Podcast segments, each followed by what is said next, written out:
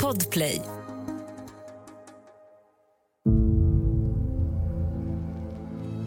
I förra avsnittet så berättade vi om det som av allt att döma har varit polisens huvudspår i utredningen av mordet på Visby hotell. Personerna som polisen under alla år har fokuserat utredningen på var en liten krets unga män som vid tiden för mordet var i tidiga 20-årsåldern och hade ett småkriminellt förflutet. I den kretsen fanns det en person som vi har valt att kalla för Marco. En person som var dömd för ett flertal olika inbrott och som en period hade haft en praktikplats på Visby hotell. De inbrott han tidigare straffats för verkar till största delen ha begåtts som rena impulshandlingar utan några större förberedelser och det var sällan som han hade kommit över några nämnvärda summor kontanter. Ett förfarande som enligt polisen stämmer väl in på det som hände på Visby hotell under mordnatten. Men exakt hur väl? För att titta närmare på det har det nu blivit dags för oss att ta oss tillbaka till brottsplatsen. Jag heter Urban Järdek. Och jag heter Tobias von Braun.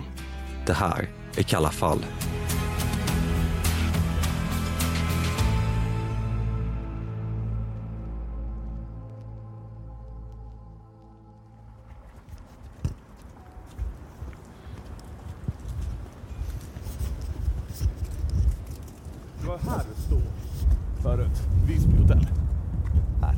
Sidan här. Mm, stort som fan. Den här festvåningen, var låg den? Det- Det är mars 2023 när vi besöker Visby hotell för att försöka få en bättre bild av hur lokalerna ser ut i verkligheten.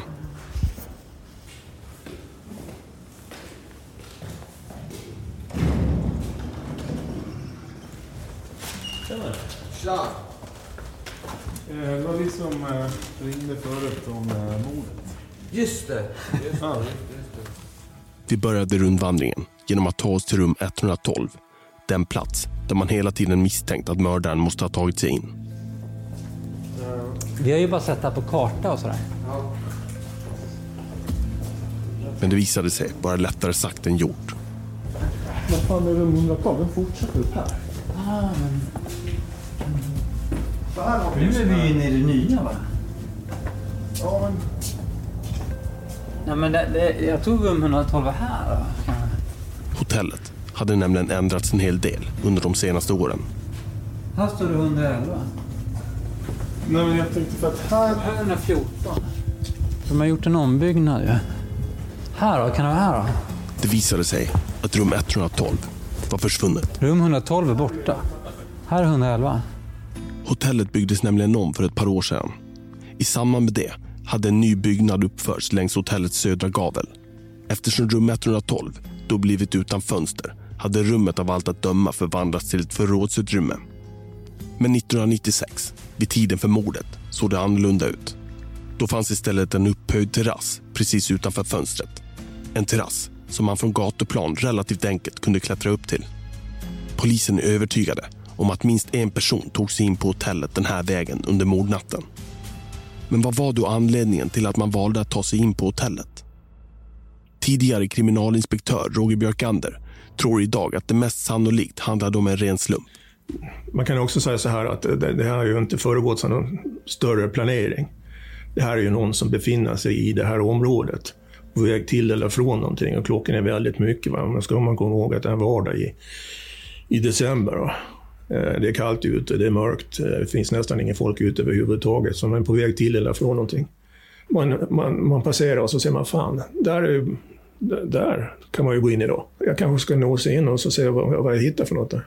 Det som var speciellt natten till den 12 december 1996 var nämligen att det pågick en renovering i delar av hotellet. Tidigare på dagen hade därför fönstren till rum 112 plockats bort. För det var så att det pågick ju målningsarbeten. Va? Eh, man målade om fönstren och då klädde man in fönstren i plast istället. Och så tog man bort eh, själva fönstret. Eh, så det var både undan plasten. Då. Alltså det var en, plast, en träram då, som man satt för fönstret. Och det är ju inte för att eh, man ska ha något inbrottsskydd, utan det är bara för att den ska regna in. Va? Eller blåsa in. Eh, medan man gjorde den här renoveringen i rummet och av fönstren. Dagen efter mordet hade man kunnat konstatera att skyddsplasten framför fönstret hade manipulerats.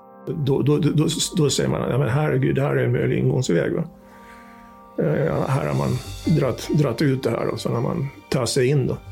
Sen kan det ju mycket väl vara så att det är både två och tre stycken som har gått in där. För det var mycket damm och, och grejer i rummet. Man håller på och sliper golv och man höll på med sånt. På fönsterbrädan i hotellrummet hittar man också ett tydligt avtryck från en sko av modellen Reebok Exofit High, storlek 43-44. Det rörde sig om ett par ganska ovanliga skor. Vi hade ju kontakt med återförsäljaren där och då, då, då pratade man om 20-30 eh, stycken. Då. Det finns ju två olika sulmönster på den här skon. Då. Och en är lite mer ovanlig än den andra. Då. Det här var den ovanligare modellen. Men förutom spåren från Reebok-skon fanns även andra avtryck i rummet. Det fanns fler. Det, det är jag rätt övertygad om. Eh, så. Eh, det fanns fler, fler skor så att säga. Men, det, men sen om det var snickaren eller målaren eller vaktmästaren eller någon annan som har varit där. Eller, det, det, det, det, men sen när man börjar hitta samma skoavtryck på flera olika ställen då, och så man också kan se hur den här personen har rört sig, så sätter man det ja, samman med att det här är en förmodad gärningsman och det här är ingångsvägen. Personen eller personerna lämnar hotellrummet och tar därefter en brandtrappa ner till hotellets entréplan. På tröskeln ut från hotellrummet, som nyligen har lackats om, hittar man ytterligare ett avtryck från Reebok-skorna. Polisen har inte tidigare velat berätta om fler skoavtryck hittats i andra delar av hotellet. Men Roger Björkander bekräftar nu att så är fallet. Jo, eh, det, det, det, stämmer. Det finns flera olika skoavtryck. Men det finns ju ett i, rum 112 och det är den här eh, omtalade Reebok-skon. Eh, och den finns på flera ställen så att säga, där den inte ska finnas. Finns den på mordplatsen? Nej, inte på, men i direkt anslutning till, jo. Men den är vi väl så gott som 100% säkra på att den har med det här att göra och att det är där man har tagit sig in helt enkelt.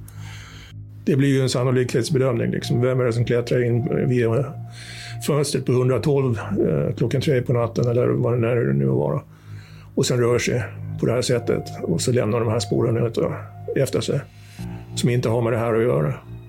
Det skulle vara jävligt märkligt om den personen inte på något sätt är delaktig i det, själva brottet eller gärningen.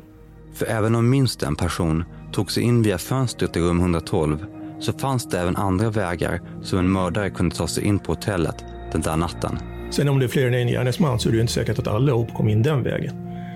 Eh, men att någon har tagit sig in där, det är helt klart. Som vi berättade i avsnitt två så hade polisen i januari 1997 gått ut i tv-programmet Efterlyst och sökt kontakt med en man som observerats utanför hotellet strax innan mordet. Mannen hade varit 180-190 cm lång, mörkhårig och iklädd en orange seglarjacka med mörkt tyg över axlarna. Men den mystiska mannen hörde aldrig av sig. Det var mannen i den här gulorangea jackan som har varit synlig utanför hotellet. Nej, vi har ingen identitet på honom. Han har inte trätt fram. Det kan jag, det kan jag tycka i allra högsta grad, så att säga. Eh, att den personen är intressant. Eh, varför den personen befann sig där? För det var ju en eh, restauranganställd som var på väg hem från jobbet. Ganska sent. De slutade vid två eller tre, någonting sånt där. Och uh, utanför hotellet så, så passerade han den här personen. Då. Efter att försöken att få kontakt med mannen misslyckades har polisen alltmer arbetat efter hypotesen att han kan ha med mordet att göra. Platsen där mannen observerades var nämligen precis utanför hotellets varuintag på Strandgatan strax söder om huvudentrén. Uh, nu kommer jag inte ihåg om det var larmet och så, va? men det har jag varuintaget till exempel. Det ligger under rum 112. Och det här är Strandgatan och det är här någonstans den här iakttagelsen med mannen i gul, gul, gula jackan. Den personen som observeras där, kan det vara en person som står och väntar på att uh, bli insläppt via varuintaget? Skulle det kunna vara. Det finns alltså skäl att misstänka att fler än en person tog sig in på hotellet den där natten. En bild även åklagare Susanne Wilborg delar. Vi har ju gått ut med att vi på grund av skospår säger att det är fler än en gärningsman. Det var i början av 2000-talet som Gotlandspolisens dåvarande tekniker Tommy Löfqvist gått igenom hela den omfattande tekniska undersökningen från hotellet på nytt. Enligt Susanne Wilborg finns det även fler detaljer som gör att man misstänker att flera personer måste varit inblandade. Det finns några andra saker också som jag inte kan liksom berätta om som gör att, att man tänker att nej, nej, det är inte rimligt att det skulle vara en person. Mm. De detaljerna är rimligen jag, eh, några utredare och de som har gjort det här, de enda som vet. Polisen har hittills inte gått ut med vilken typ av sko som avsatt de andra spåren. Enligt Roger Björkander kan anledningen vara att man helt enkelt inte vet. Ja, det, kan vara så, det kan vara så dåligt så att det är fragmentariskt. Man kan, se, man, man kan, man, man kan urskilja kanske ett en viss mönster, men du kan inte säga vilken skotyp det är ens en gång. Eller på storlek eller ingenting. Va? Man kan säga så mycket att det inte är Reebok-skorna i alla fall. Nej, det kan man säga. Enligt både före detta kriminalinspektör Roger Björkander och åklagare Susanne Wilborg så gör de tekniska spåren från hotellet att man får en känsla av att åtminstone en av personerna i sällskapet måste ha hittat till lokalerna. Känslan är att man har gått direkt på den här. Man går ner här, man går in i den här korridoren. Man rör sig på ett visst sätt. Man öppnar rätt dörr. Släpper man in någon i en labyrint så är det klart förr eller senare hittar de rätt. Va? Men jag tycker att, det, eller vi tyckte då, tycker väl än idag, att det, det är lite för mycket slumpar. Va? Visby hotell är ju inte helt enkelt. Den är ju väldigt mycket olika våningar och tillbyggnader och alltihopa. Det är väldigt, eh, skulle jag säga, svårt att eh, ta sig från där man gick in till där mordet sker och dessutom passera något, något eh, annat rum för att hitta någonting. Eh, för att liksom, om man inte känner till hotellet. Eh, så är det, skulle jag säga. Efter att ha gått den där sträckan några gånger. Efter att ha tagit trappan ner från korridoren utanför rum 112 och eventuellt släppt in en person via hotellets varuintag så fortsätter gärningspersonerna via ett linneförråd in till hotellets vaktmästarexpedition som faktiskt ser nästan likadant ut idag som när mordet inträffade. Ja, precis. Ja, precis. Och då sa ju, då sa ju han att ja, men det hänger grejer där. Där hänger det ju. Kolla. Ta, ta en Det bild på hänger en det. jävla bultsax precis innan. Det är ju galet. Det är här man plockar på sig bultsaxen som senare kommer hittas intill Kristinas kropp. Ja, man är, man, man är det inne, man är dåligt förberedd. Va? Man har inte brottsverktygen med sig, men man eh, snokar reda på vaktmästarens eh, förråd helt enkelt. Och så får man se vad man, vad man hittar där. Va? Och det är, ja, han har ju inte kofötter, vad ska han med det till? Eh, men en bultsax, ja men då tar man med sig den och sen vad man ska ha den till, det har man liksom inte gjort någon större analys av. Utan bra, bra att ha grej, Den kan, den kan komma till användning. Så jag tar, tar, tar, tar med den. Därefter kommer man in i den administrativa korridoren där mordet senare sker. Den sista människan, utom gärningspersonerna, som ser Kristina i livet är den gäst som vid 03-tiden anleder till hotellet. Efter att ha sagt hej till Kristina i receptionen beger han sig till hissarna. Det är han som hör ett metalliskt ljud i riktning från den administrativa korridoren precis innan hissen anländer. Det är ju den här personen som kommer hem då och sen hör eh, det här metalliska ljudet ifrån den här korridoren. Som man hör, men han reagerar ju inte på det. Eh, så han bara hör att det klonkar till eller vad det ska säga, ett metalliskt ljud. Och sen är det Med stor sannolikhet är det gärningspersonerna som nu befinner sig i personalkorridoren som gästen hör.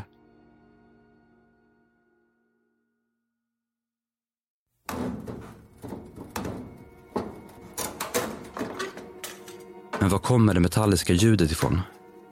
Vår första tanke var att ljudet kom från plåtlådan med växelkassan som bröts upp.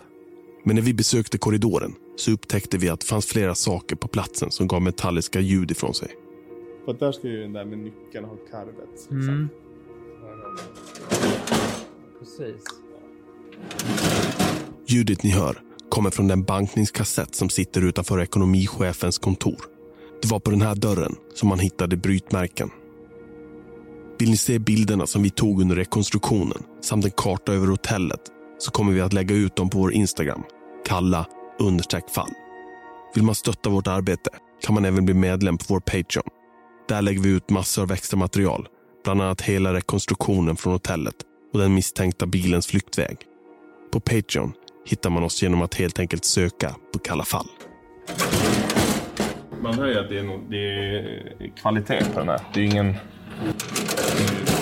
Tung liksom. Även om det fanns saker som tydde på att minst en av tjuvarna hade någon form av lokalkännedom så verkar det inte som man haft någon djupare insikt i hur pengarna förvarades på hotellet.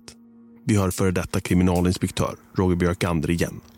om man nu kommer in på hotellet och om det nu skulle kunna finnas pengar någonstans så är det väl ett av de ställena där man har så att säga, en sån här safebox på utsidan. Då jag, skulle jag bli väldigt nyfiken och se vad finns det på insidan. Men har du den insikten, eh, då måste du också förstå att det här är ganska lönlöst. Eh, och dessutom, du kommer inte åt pengarna. Du, då ska du spränga så. Och det finns inga pengar heller. Så. Försöket att ta sig in på ekonomikontoret var dessutom minst sagt amatörmässigt. Det, det jag minns det var ju det att det var ett jävla harmlöst karvande helt enkelt. Och det kan man göra med precis vilket verktyg som helst. Det är ett harmlöst karvande. Det kan vara allt ifrån nycklar till... eh, Det är, inte, det är inte så man gör ett inbrott och det finns inga märken ifrån. eh, Jag förstår inte riktigt syftet. Förutom dörrkarmen hade tjuvarna även gett sig på ett värdeskåp som stod i samma korridor. I detta hade de brutit upp ett plåtfack där restaurangens växelkassa på cirka 6 000 kronor förvarades. Det var inte öppnat med guldsaxen som jag stått här. Nej, Utan öppnat med något annat verktyg som man... ja, en penna eller en nyckel eller vad som helst. Det här är ju inte, vad ska jag säga, för att säkra, säkra det som förvaras där på något sätt, utan det är mest att prylarna, ska- prylarna ska inte trilla i huvudet. Va? Ja, jag tror till och med du kan dra åt det med fingrarna om du får in ett finger. Det sammanlagda intrycket var att det inte kan ha rört sig om något välplanerat inbrott. Nej, ska man inte stå där och karva på dörr, en jävla dörrlist med hjälp av någon, någon dörrnyckel eller vad man nu fan man har använt för skitverktyg. Rent ut sagt. Allt tyder på att Kristina måste ha överraskat tjuvarna mitt under det pågående inbrottet. Men vad var egentligen anledningen till att hon någon gång efter klockan 03 lämnade receptionen och begav sig till den administrativa korridoren? Kristina skulle ju inte ut i den här kontorskorridoren överhuvudtaget vid den här tidpunkten som hon gick ut, utan hon skulle bemanna receptionen. En av receptionistens sysslor under natten är att starta om bokningssystemet och göra en backup från det föregående dygnet. Det gick till så att man från datorn i receptionen satte igång backupen.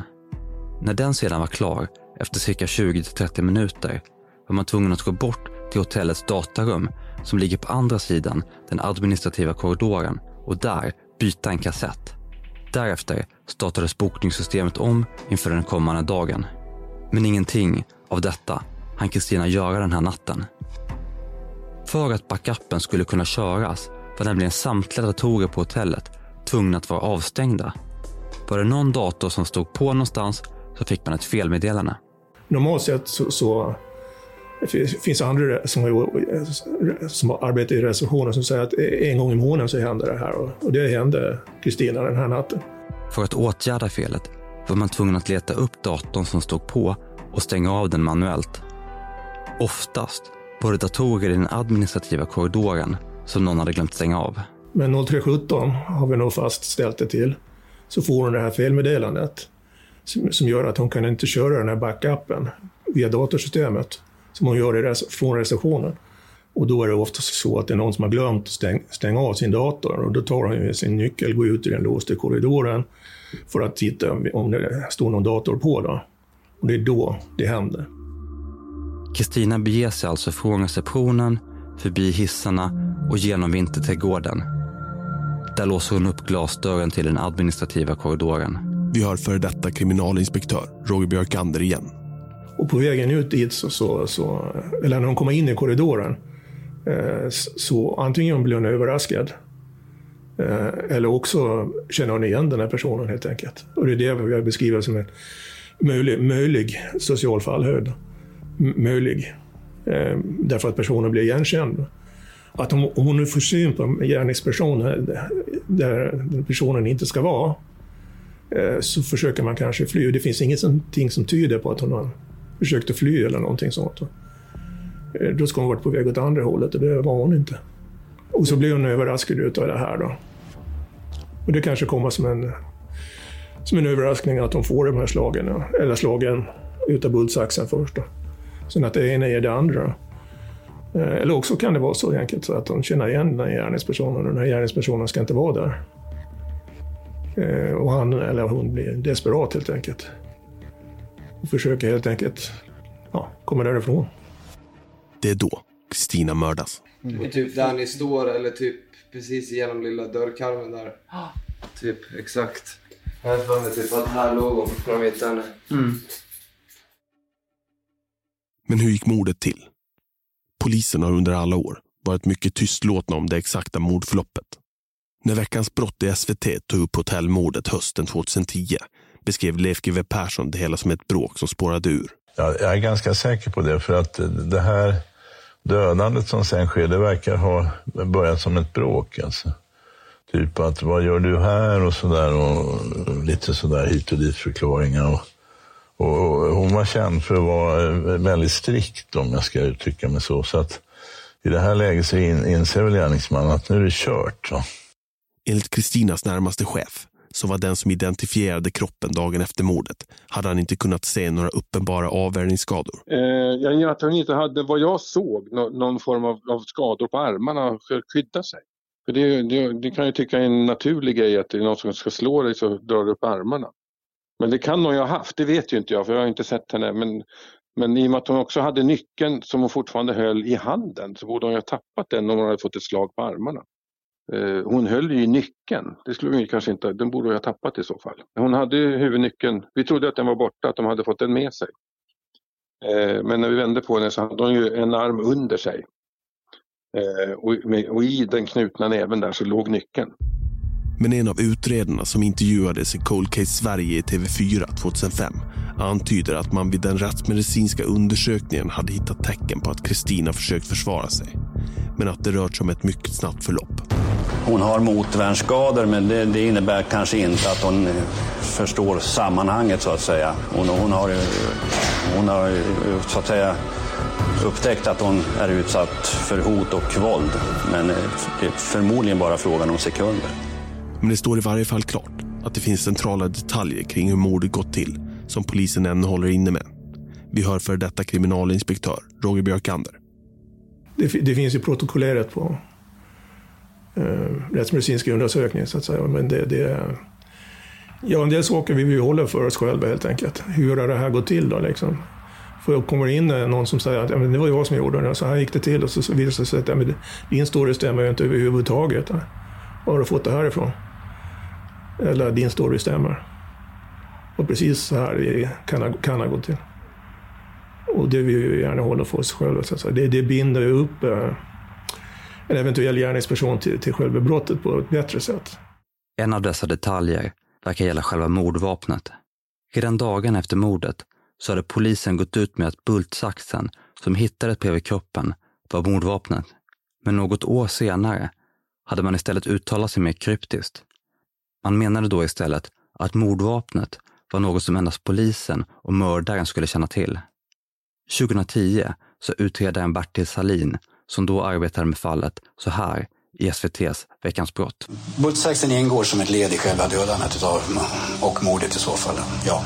Någon ytterligare information om mordförloppet vill varken åklagare Susanne Wilborg eller före detta kriminalinspektör Roger Björkander berätta. Jag tänker inte berätta på vilket, vilket sätt hon utsattes för våld. Det är sånt som den rättsmedicinska undersökningen kan ge svar på så småningom. Ja. Men det är ingenting jag kan kommentera. Men Roger Björkander är tydlig med att syftet med våldet inte går att ta miste på. Men, men det är ett behärskat övervåld. Det är liksom ingen tvekan om vad, vad syftet med våldsutövning är. Det är ju att slå, slå, slå ihjäl henne eller ha ihjäl henne. Men det kan vara så att det första, första slaget utdelas i ja, självförsvar eller misstag. Eller, eller att man är så påverkad av någonting så att man inte har riktigt koll på läget. Va? Eller vill fly från platsen och så är man liksom oj, fan det där blev kanske lite mer än jag hade tänkt mig. Nu får jag nog fullfölja och så kör man. Sen vilken skada Kristina hade men vi har beskrivit det som ett behärskat övervåld. Det är ett övervåld, ett extremt övervåld och det är behärskat, målmedvetet. Så mycket kan man väl säga. Mm. När och om den dagen kommer så är det liksom ingen tvekan om vad uppsåtsbiten är. Det är liksom inte det att jag, jag skulle slå mig fri och tänka att jag, jag missade lite grann. Mm. och jag träffade där jag inte skulle träffa, utan eh, nej. De som vi har pratat med, som sett kroppen, berättar att det mesta av våldet verkar riktats mot huvudet och ansiktet. Nu gör polisen Tryggve Karlsson, som vaktade brottsplatsen under utredningens första dag. Nej, men sen så har man ju sett bilder och sånt då, men då, då, var, det, då var jag mycket i ansiktet. Mycket. Mycket våld mot ansiktet eller huvudet. Även Kristinas närmaste chef, som var med och vände på kroppen har en liknande minnesbild. Jag kommer bara ihåg, hon var ju väldigt illa skadad i, i pannan. Så att jag såg, det var det enda som jag såg. Utifrån hur mordet gått till så har före detta kriminalinspektör Roger Björkander sin bild klar av mördaren. Med tanke på tillvägagångssättet så tror jag att det är en fullfjädrad psykopat så han, han eller hon har nog inte blivit speciellt berörd. Går nog inte att fundera på det här varje, varje dag. Så att säga. Den spärren finns inte. Helt enkelt. Eh, den känslan för medmänniskan, den, den, den, den finns inte. Utan de, de, de, de är ju lite mer rationella, så att säga saknar saknar empati, eh, ingen medkänsla överhuvudtaget. Eh, utan ändamålet helgar medlen. Jag, jag har kommit över en växelkassa på 5000 spänn och hade inte Kristina varit där så hade det här inte hänt. Alltså är det inte mitt fel. Det är ju hennes eget fel. Kanske en sån personlighet reagerar och då mår man inte speciellt dåligt utav det som har hänt heller för det var ju inte gärningspersonens fel. Det hade inte funnits några tecken på att Kristina försökt fly från brottsplatsen. Vad berodde det på? Var det för att hon kände igen den blivande mördaren och inte förstod hotbilden? Eller kan förklaringen istället hittas i Kristinas egen personlighet? Enligt många av dem vi pratat med så var Kristina en ganska tuff kvinna. Skulle hon ha kunnat konfrontera en inkräktare? Ni hör Kristinas barndomsvän, Hasse Tolin. När vi har pratat om det här mordet så har jag alltid sagt, ja men du vet om det stod någon, även om hon kände han, eller jag utgår från att det är en kille som har mördat. Om, om hon kände honom eller om det var en okänd så hade hon bara Vad fan håller du på Vad fan gör du? Stick! Och sen bara Antar jag. Så känner jag, eh, tror jag. Ni har åklagare Susanne Wilborg igen. Jag kände inte mordoffret. Lite tveksam utifrån det jag har hört om henne om hon skulle verkligen ha, ha gått in i, i en sån situation. Även tidigare kriminalinspektör Roger Björkander är skeptisk. Ja, jag, har, jag har svårt att tänka mig det. Att, att hon skulle gö- göra så. Jag, om jag skulle sätta mig in i hennes situation och det hon kände för, för att jobba ensam på nätterna så skulle hon ha vänt på klacken. Eh, tillkalla hjälp helt enkelt. Eller ring polisen.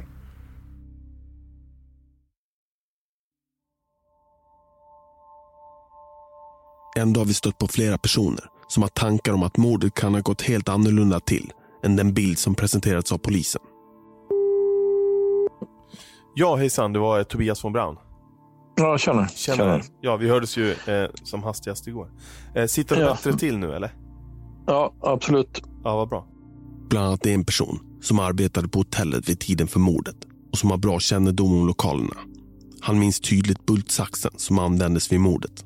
Nej, det var ingen sån där jättestor. Eh, vad ska vi säga då? Kan ha varit 30-40 centimeter ungefär. Nej, jag skulle inte tro mycket mer än 30 faktiskt. Någonting.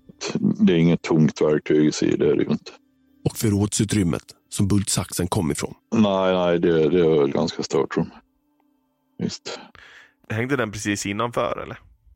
Ja, någonting sånt. Om den låg på arbetsbänken eller inte, det var, kommer jag inte längre ihåg faktiskt. Men eh, Nej.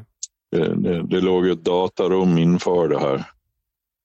Och det var ju där som Kristina var på väg dit eller därifrån, det vet jag inte jag. Men det datarummet, på den tiden gjorde man ju nattkörningar och så då var de alltid där in- inne en gång per natt. Enligt honom finns det betydligt bättre redskap för ett inbrott i lokalerna än bultsaxen. Det som man normalt har det är allt skruvmejslar, skiftnycklar, någon kofot fanns det säkert och så vidare. Ja, och det hängde en del på vägg och något skåp och lite sånt här. Ja. Trots det var det inga andra verktyg som saknades i förrådet. Han har därför sina egna funderingar kring hur mordet gått till. Nej, jag har en teori om det där varför. eh, Jag tror inte det var den eller de som var där och utförde det här. Det var inte de som hade tagit dit bultsaxen. Utan jag tror det var Kristina som hade, har tagit bultsaxen som ett tillhygge för hon såg vad, att det var personer eller hela person som höll på med någonting som inte den skulle vara, varken vara där eller göra det den höll på med. För faktum är att det finns två olika vägar att ta sig till den del av byggnaden där hotellets datorer förvarades. Vi hör Kristinas kollega Malin Amer. Om man skulle gå till datarummet så kunde man välja att gå den, den eh, korridoren, men man kunde också gå en parallell korridor.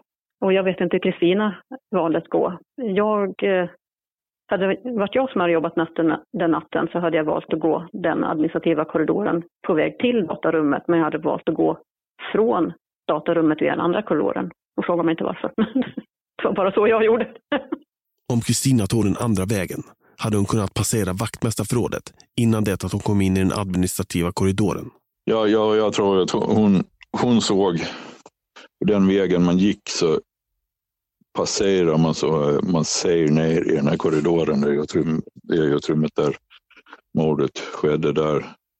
Man såg lätt ner där och jag tror när hon passerar där så ser hon förövaren eller förövarna. Mm. Och, eh, och då går, tar hon det här. Ja, hon tar det som ett tillhygge och gick dit emot dem liksom. Och, hela den. Och eh, sen blev hon övermannad. Och, så eh, tar gärningsmannen den här och slår henne i sidan. Då. Tycker du att en, eh, en bultsax skulle vara ett bra verktyg att bryta upp en dörr med? Nej, givetvis inte. Det är därför jag jag tror på den här teorin. Nej, vad skulle de ha en bultsax till? Det fanns ju ingen anledning för dem att använda en bultsax. Nej. Det fanns ju ingen hänglås eller något sånt här du skulle klippa av eller någonting. Det, det är därför jag tror på den här teorin. Men det är helt min egen teori. Så det. Polisen har ju kanske andra sätt att se saker som inte jag vet om så att säga. Så det är ju rent min egen teori bara. Vi berättade om teorin för åklagare Susanne Wilborg Aldrig någonsin hört. Um, det blir lite intressant den här människan som berättar saker för er som, som ju de kanske skulle ha berättat för polisen om de hade såna här teorier och tankar. kan man ju undra varför de inte har gjort. Mm. Eh, faktiskt. Eh, kan man bli lite sådär halvt eh, fundersam över varför man väljer att prata med er om sånt som... Jag har aldrig hört den teorin överhuvudtaget. Vilka spår fanns då på mordplatsen när den tekniska undersökningen inleddes? Enligt före detta kriminalinspektör Roger Björkander hade man inte hittat någonting som man med 1990-talets teknik ansåg var värt att testa för DNA. Men han tror att om mordet hade skett idag så hade saker och ting kunnat vara mycket annorlunda.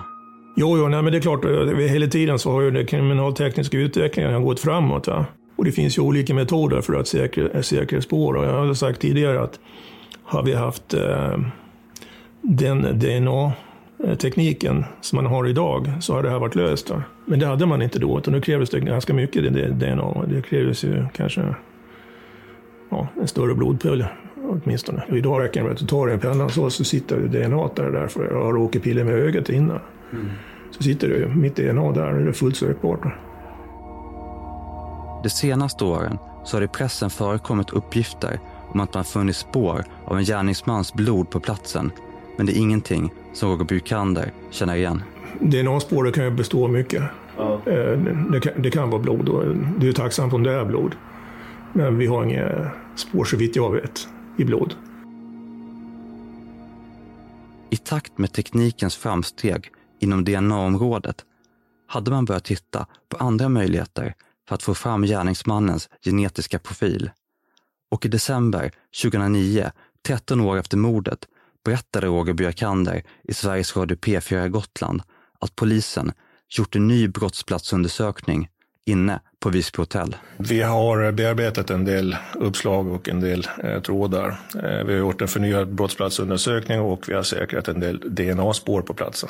Idag säger han så här. Vi gjorde väl en förnyad teknisk undersökning helt enkelt. På, på platsen. Eh, och då anträffar man ett DNA-spår. Eh, men det behöver man inte ha med det här att göra överhuvudtaget. Va? Men det fanns där, så det är tillvarataget. Då. Men hur är det möjligt att man så långt efter mordet hittar en DNA-profil inne på hotellet som man hoppades kunna knyta till en gärningsperson? Det beror sig på lite vad man har gjort för ombyggnadsarbeten och, och så. Och var det här spåret anträffas Så får man försöka värdera det utifrån det då. Vad är det här värt för något? Va? Varken före detta kriminalinspektör Roger Björkander eller åklagare Susanne Wilborg kan ge oss ett rakt svar på den frågan. Eh, Man har ju brutit på en, en dörr till exempel och då har vi ju gått in och med nya tekniker sett om man kan, om man kan hitta saker, om man bryter på någonting till exempel och så. Det finns en plats på hotellet där minst en gärningsperson bevisligen hade brutit. Nämligen på dörrkarmen till ekonomichefens kontor. Efter att den första undersökningen av brottsplatsen genomfördes i december 1996 hade karmen limmats tillbaka mot väggen. Om det var så att karmen under inbrottet delvis brutits loss för hand så skulle rent teoretiskt ett DNA-spår kunna finnas bevarat bakom karmen ända sedan dess. Men enligt före detta kriminalinspektör Roger Brukander är det svårt att värdera DNA-spåret som hittades 2009. Vad är det här värt för något? Va?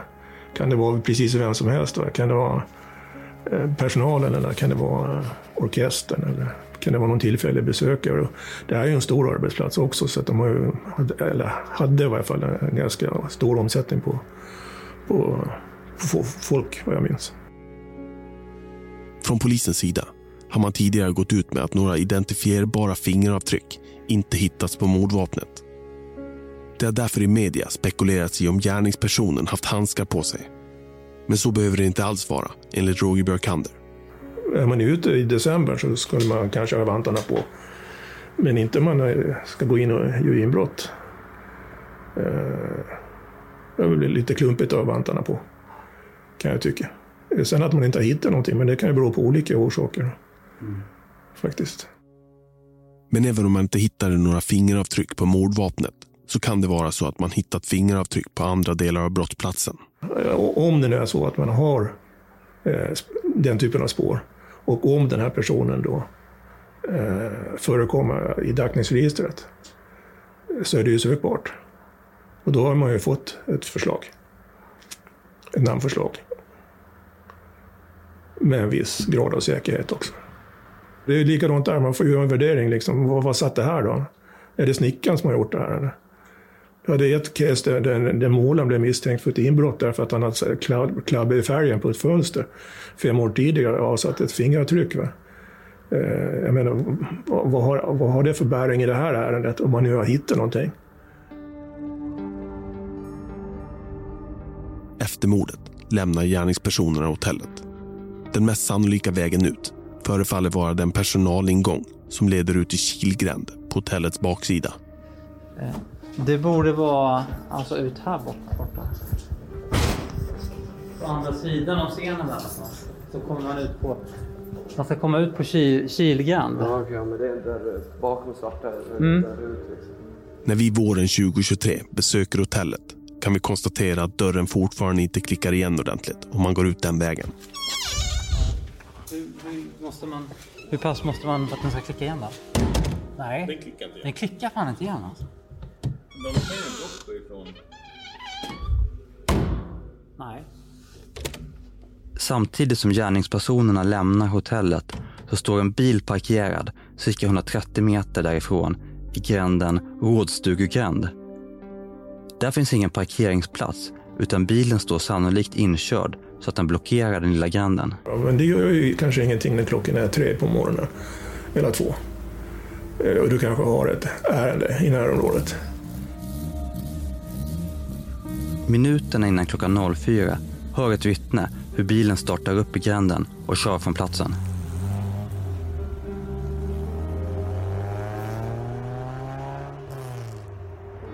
Jag menar, det går inte att bortse från den här bilen som förmodligen, förmodligen eller jävligt sannolikt är en Volvo. Och som blev uppstartad och har den här färdvägen eh, ner förbi Vallers plats ut på hamnen. Eh, backen upp och ut genom Skansporten. Och jag vill minnas att det var fem iakttagelser, varav ett par tre av dem säger att det en Volvo 3 tror jag jag minns. Mm. Och de känner igen det på motorljudet. Och gammal Amazon eller PV, gammal PV eller hade det här förgasare och det blir något sånt där undertryck i den där och de, bölar lite. Bilintresserade killar till exempel känner igen det. Och de säger, de pratar Volvo. Det, det, den som har varit ute klockan tre på natten vid eh, mitten på december, en vanlig vardagskväll, det är inte många som är ute och rör sig. Och, och, och vad skulle den här bilen och köra på det här sättet på den här platsen vid den här tidpunkten och väcker den här uppmärksamheten som man faktiskt gör. Det, i min, min känsla är ju att den här personen eller personerna flyr ifrån någonting. Och den sista iakttagelsen det, det är eh, på vägen ut genom Skansport. Va? Det var någon kvinna där som, som vaknade och reagerade på motorljudet när man gasar på full gas uppför backen, backen där och sen försvinner ut genom Skansport och sen är det borta. Ytterligare ett vittne i närheten av Skansport, en man, minns att han var uppe på toaletten när han hörde ljudet och hade i samband med det tittat på klockan. Därmed kunde observationen låsas till klockan 03.59. Men vart tog bilen vägen efter att den kört ut genom Skansport? En potentiell ledtråd är att den kvinna som sist hörde bilen hade reagerat på att hon kände igen motorljudet. Hon hade hört samma bil flera gånger tidigare i veckan. Kunde bilen tillhöra någon som bodde i närområdet? Ja, vi hade lite teorier på, på, på den där. Det fanns någon uppgift om att den hade kört ner i något garage och vad det var för något. Men det har vi nog rätt ut det mesta. Som vi berättade i förra avsnittet hade polisen 2009 gjort en husrannsakan i ett underjordiskt garage under ett flerfamiljshus. Enligt Roger Björkander fanns det flera olika spår i utredningen som hade lett dem till garaget. Dessutom hade man misstankar om vilken Volvobil det kunnat röra sig om. I de här kretsarna som vi letar, letar en möjlig gärningsman alltså Volvo är världens vanligaste bil. Kan man säga. Och det, det finns bra kandidater till de här. Eh, till vilken bil det var. Och vi vet också eh, vilka bilar som kan ha varit ute och som har varit ute. Och, och vilka konstellationer det i så fall är. Eh, så att det finns bra kandidater, eller fanns bra kandidater, för nu är det väl på skroten antar jag. Den av personerna i kretsen som hade en koppling till garaget var den person som har valt att kalla för Oscar. Ja, alltså, vad ska jag säga om honom? Jag har kollat upp honom. Eh, ja, men han är ju, han går ju under radarn hela tiden. Inga bilder på Facebook. Och allt det jag har kollat så, så, så var ju han 19 år 1996. Den som gav oss uppgifterna var Kristinas barndomsvän Hasse Tolin. Han är skriven på där garaget ligger. Ja. Att det har stått en gammal bil där nere 96 typ. Och det var en Amazon. Jo då, 96 så stod det en gammal röd häck där i garaget. På ja. Alltså hans mamma... Eh, hänger du med? Mamma, ja ja. Okej. Okay. Så jag gissar att det är den bilen som, som, eh, som de såg stod där nere som en häck. Det verkar alltså som att den aktuella bilen hade stått på en garageplats som tillhörde Oskars mamma. Uppenbarligen så hade polisen starka misstankar om att Oskar var inblandad i mordet. Av allt att döma misstänkte de även den man som anhölls skäligen misstänkt för mordet hösten 2002 och som vi har valt att kalla för Marco. Enligt författaren Johan Lindblad fanns det också en stark koppling mellan de båda männen. När jag frågade Johan om Marcos umgängeskrets tog han direkt upp Oskar. Har ni pratat med hans bästa kompis? Men honom, ta det lugnt för han är, han är knäpp. för att de här två, därför många tror, för att jag känner ju många i den bekantskapskretsen och därför de tror att det är de två. Mm. Det är för att alltså efter själva det brottet då slutade de att vara kompisar. Oskar hade haft en liknande uppväxt som sin kompis Marco, även om han var ett och ett halvt år yngre. Hans högstadietid var strulig med mycket skolk och han blev tidigt inblandad i småbrott tillsammans med sina äldre vänner. Men i Gotlands tingsrätts arkiv har vi inte kunnat hitta särskilt många domar mot honom. Och de domar som finns rör sig inte om några grövre förseelser, vare sig före eller efter hotellmordet. Marco däremot skulle komma att dömas ytterligare ett par gånger under åren efter hotellmordet. I april 1997 hade Marco befunnit sig på nattklubben Munkkällaren i centrala Visby. Han träffade där en gammal klasskompis från grundskolan. Hon frågade om han ville följa med på en efterfest. Tillsammans med några andra killar och tjejer åkte de till Visby hotell där två av killarna som är från Stockholm hyrde ett rum. De efterfestade ett par timmar Men så småningom beslutade sig festdeltagarna för att det var dags att dra sig hemåt. De bestämde sig för att dela på en taxi. När de lämnat hotellrummet och stod nere på gatan plockade Marco plötsligt upp en rakapparat. De andra i sällskapet förstod inte riktigt varför han hade en rakapparat med sig. Han berättade då att han hade stulit den från hotellrummet. Han visade även upp en tusenlapp som han också hade tagit. I senare förhör hade han svårt att förklara varför han handlat som han gjorde. Han berättar att när han var alkoholpåverkad och såg möjligheten att stjäla hade han helt enkelt inte kunnat hindra sig själv. Han döms till en månads fängelse. Men redan samma höst hamnade Marco i bråk med några för honom okända personer på stan. Han gav en av dem ett knytnävsslag i ansiktet. Även för detta får han ett kort fängelsestraff. De kommande åren arbetar Marco bland annat med telefonförsäljning och fortsätter att jobba extra som biografvaktmästare. Men i januari 2002 har hans arbetsgivare på biografen börjat ana oråd. De har märkt att de dagar då Marco arbetar så sjunker biljettintäkterna markant. De kontrollräknar därför under loppet av två dagar antalet besökare på biografen och jämför med antalet sålda biljetter. Det visar sig att ett 40-tal biljetter inte har bokförts. Enligt Marco själv rör det sig om kompisar som han släppt in gratis. Men åklagaren misstänker att han sålt biljetter svart och själv tagit mellanskillnaden. Han döms för trolöshet mot huvudman till dagsböter. Det är senare samma år som han även anhålls som skäligen misstänkt för hotellmordet. En tid därefter bestämmer han sig för att lämna Gotland. När eh, sen, eh, ja, där han blev, blev eh, gripen andra gången. Efter det så drog han utomlands i jätte, jättemånga år. Sen kom han ju tillbaka nu bara för några år sedan. Enligt författaren Johan Lindblad hade även Oscar försvunnit från ön vid ungefär samma tid. Han drog till Stockholm och umgicks med bara kriminella här uppe under jättemånga år. Sen nu har han också flyttat hem. Eh, Men han är, han är knepig. Är ändå trevlig, men han är väldigt tyst. Men hur pass misstänkta är då Marco och Oskar idag? Åklagare Susanne Wilborg svävar på svaret. Ja, alltså utredningen pågår ju, men vi har ju ingen som är pågående misstänkt på det sättet. Liksom. Nej. Men det finns ju fortfarande saker, fortfarande spår, så, så det är ju en sån. Man har inte kunnat säga att han inte har gjort det. Man kan säga att han är... Nej. Nej. Men han har, kan ju inte stå kvar som misstänkt i, i alla herrans år heller. Nej. Nej. Nej. Den husrannsakan som polisen hade genomfört i parkeringsgaraget utanför Skansport våren 2009 hade inte heller den gett några svar. Ja, jag, vet, jag vet att vi gjorde någon, någon, någon form av eh, teknisk undersökning eller platsundersökning. Liksom. Finns det någon jävla substans i det här överhuvudtaget? Och vi hittade ingenting. Det, det fanns en uppgift och vi har nog rätt ut det så långt det är möjligt. Så att säga. Men det är inte uteslutet att det är på det sättet. Men vad, vad, vad, vad den skulle dit och göra, det, det förstår jag inte riktigt. Jag tror att den åkte någon helt annanstans. Det var det att man har inte de iakttagelserna.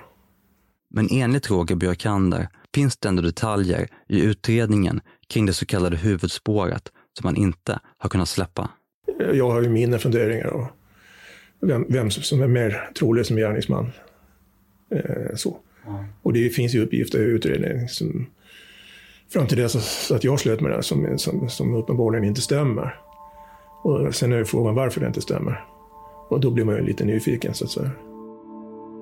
Men andra är mer skeptiska. Nu är återigen författaren Johan Lindblad. Alltså för hade det varit någon av de här, polisen vet ju om de flesta av de här vad jag förstår. Eh, så tror jag att de på något sätt hade kunnat kunna bräcka ett alibi eller vad som helst för att eh, eh, liksom få dit. För när jag började med det här, alla sa att de visste vem det var. Sen när man började fråga så visste alla olika människor. Och då blir man så här, det är ingen som vet vem det här är. Sen är det fler som, fler som tror på vissa och sådär såklart. Eh, men, eh, och då tänkte jag att ska jag hålla på med det här tills jag dör för att ta reda på vem det är? Eller ska jag faktiskt göra någonting som, som, som jag känner är, är större? För det är liksom samhället i stort idag, hur fort du dömer en människa. Alltså, i vad som helst. Alltså, tänk att vara anklagad för mord eller tänk att eh, min granne går och tror att jag är en mördare.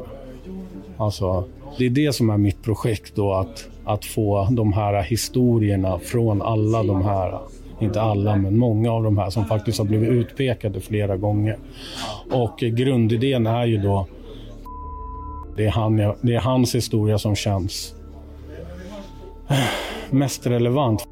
Även åklagare Susanne Wilborg har idag sina tvivel kring det så kallade huvudspåret. Eh, Att Roger och jag var ju inte alltid liksom på samma linje. Ehm, och det är klart att han har ju jobbat så länge med sina teorier eh, som han ju har haft.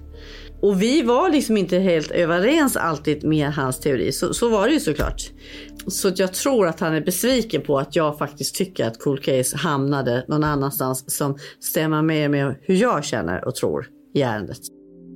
Efter att husrannsakan genomfördes våren 2009 verkade det som att utredningen tappade fart och under början av 2010-talet så gick fallet allt mer på sparlåga. Jag hade haft det, jag hade haft det länge. Det hände ingenting i ärendet. Eh, Roger hade ju ansvaret på polissidan men han var ju förundersökningsledare, polisiär förundersökningsledare så han var ju liksom det han hann ju aldrig mer där. Och det kom tips, det kom tips, det kom tips. Han meddelade mig att det kommer tips, tips, tips, tips. Okej. Okay. Men vem jobbar med dem då? Ja, ingen. Men 2015 hände något som skulle öppna upp nya möjligheter till resurser att arbeta med fallet. Då uppgick nämligen Gotlands polismyndighet i polisregion Stockholm. Och 2016 tog Stockholmsregionens Cold Case-grupp helt över utredningen av hotellmordet. Då gick de ju igenom hela ärendet. Såg vad som var gjort, inte gjort. Strukturerade upp det igen. Alltså det blev ju en tydlig ändring på kurs kan jag tycka när cold case-fall, utredarna kom in och tittade på det med fräscha ögon och tittade på det så, så blev det en tydlig kursändring i ärendet. Och ganska snart verkar det som att kursändringen hade börjat ge resultat. Ni hör cold case-utredaren Mats Pettersson intervjuas i Aftonbladet TV 2018 persongalleriet eller de personer som är mer intressanta idag, de fanns inte med i utredningen från eh, första början. Men det har eh, då utkristalliserat sig då att, att den här, en viss missbrukarmiljö är mer intressant än det som har varit känt tidigare och då menar jag helt andra personer. Men det skulle visa sig att Cold Case-gruppen även hade ytterligare ett trumfkort. Ett nytt och tidigare okänt DNA-spår. Ett DNA-spår som hela tiden funnits dolt på material som tillvaratogs redan dagarna efter mordet. Ett DNA-spår som av allt att döma tillhörde en misstänkt gärningsman. Nästa gång i Kalla fall. Då har vi ju ett nytt spår som ni vet som vi liksom eh, och det, det, har ju kommit på senare år som vi inte hade kunskap om alls tidigare. Ja, men om de anställde mig en månad och sen fick jag skriva på tystnadspapper både på längden och tvären. Så, alltså har de släktträffen och om nu gärningsmannen är gotlänning jag lovar dig, jag, fick, jag, jag plockar fram honom. För jag fick en helt ny ålderskategori här för ett år sedan eller ett och ett halvt. Eh, som jag inte visste fanns. De är liksom runt 50-60 nu. Kalla fall är en podd av och med Urban Järdek och Tobias von Braun. Producent och ljudtekniker är Mats Liljenberg. Klippassistent är Alva Åsberg. Exekutiv producent är Victoria Rinkos. I avsnittet hörde du klipp från SVTs Östnytt, Sveriges Radio P4 Gotland, TV3, Strix Television och TV4. Vet du någonting om mordet på Visby hotell som skulle kunna föra fallet närmare en lösning? Hör i så fall gärna av dig till oss på tipsatkallafall.se, alltså tipsatkallafall.se eller kontakta oss via sociala medier på Instagram, där heter vi kalla fall eller på Facebook där man hittar oss genom att söka på Kalla mellanslagfall. Det går självklart bra att vara anonym om du så önskar. Källskyddet och meddelarfriheten gäller. Vill du stötta vårt arbete så gör det enklast genom att bli medlem på vår Patreon-sida. Bara en bråkdel av det material som samlats in under arbetet med den här säsongen hamnar i podden. På Patreon kommer vi att publicera många timmar exklusivt bonusmaterial. Där kommer du till exempel att kunna höra hela vår intervju med Roger Björkander och Susanne Wilborg. På Patreon kommer vi också efter varje avsnitt att släppa ett eftersnack. Där tar vi upp frågor som du som Patreon undrar över. Du hittar oss på Patreon genom att söka på Kalla fall.